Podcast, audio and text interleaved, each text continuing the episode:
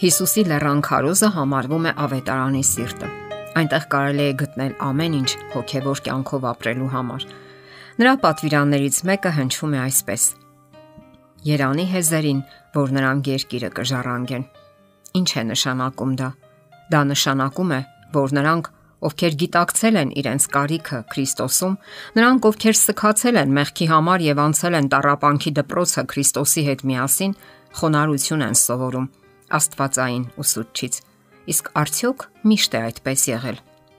Սխալ պատկերացման պատճառով հрьяաներն ու հեթանոսները բարձր չեն գնահատել համբերությունն ու խոնարհությունը։ Երբ Մովսեսը Սուրբ Հոգու ներշնչմամբ հայտարարեց, որ ինքն ամենահեզն է երկրի վրա, այն ժամանակվա մարդիկ չէին կարող հասկանալ դա եւ գովաբանել։ Դեռ ավելին, այն խղճահարություն կամ արհամարանք կառաջացներ, բայց Հիսուսը հեզությունը համարում է իր թակավորության կարևոր սկզբունքներից մեկը։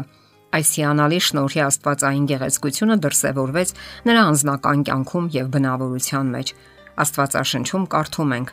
Թող ձեր մեջ լինի այն խոհեմությունը, որ Հիսուս Քրիստոսի մեջ էր, որ Աստծո բնությունն ունենալով Աստծուն հավասար լինելը հապշտակություն չհամարեց, այլ ինքն իրեն ունայնացրեց։ Նա համաձայնել էր անցնել կյանքի բոլոր փորձությունների միջով, քայլել մարդկանց ворթիների մեջ ոչ թե ինչպես թակավոր, որ պատիվ է պահանջում, այլ որպես մեկը, որի առաքելությունն է ծառայել մարդկանց։ Նրա վարքի մեջ չկար մոլեռանդության նշույլ անգամ եւ ոչ էլ սառը խստություն, Աշխարի փրկիչն ուներ ավելի գերազանցող բնություն, քան հրեշտակներինը, սակայն Աստվածային վեհապարության հեզությունն ու խոնարհությունը դեպի իրեն են գravel բոլորին։ Հիսուսը լիովին ուրացավ իրեն եւ մեզ եւս պատվիրում է հետևել իրեն։ Ինձանից սովորեք, որովհետև ես հեզ եմ ու սրտով խոնար։ Եթե մեկը կամենում է իմ հետևից գալ, թող իր անձը ուրանա։ Եսի գերիշխանությունը, որի մեջ շատերը փորձում են փառավորվել, սատանայի ստրկության խորհրդանիշ է։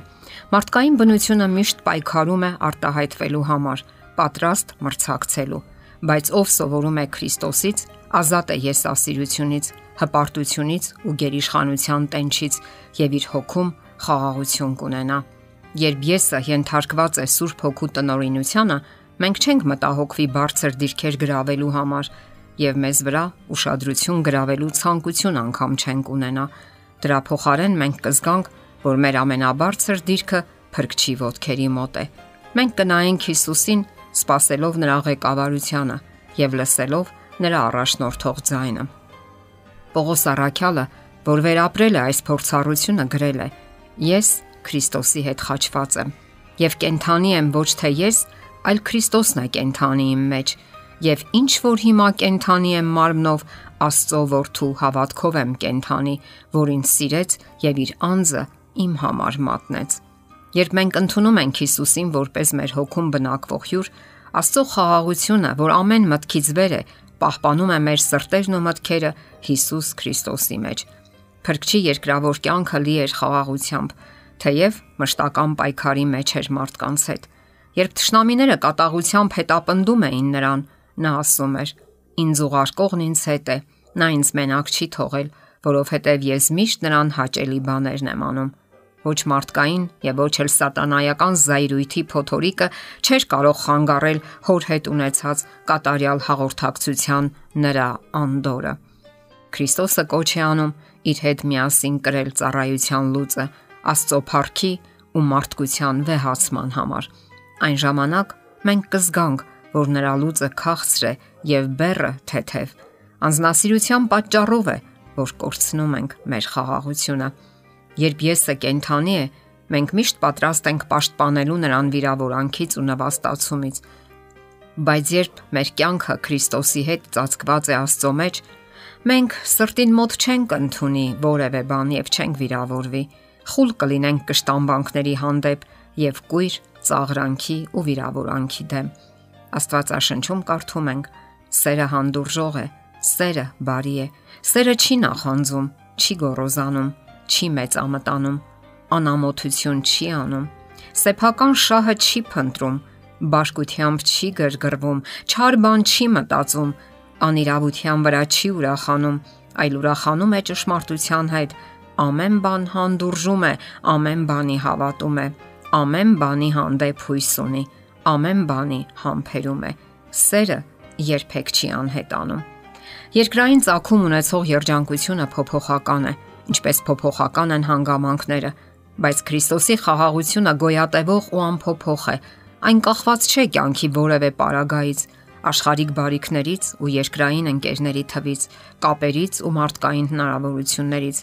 Քրիստոսը կենթանի ջրի աղբյուրն է եւ նրանից բխող երջանկությունը երբեք չի դադարի։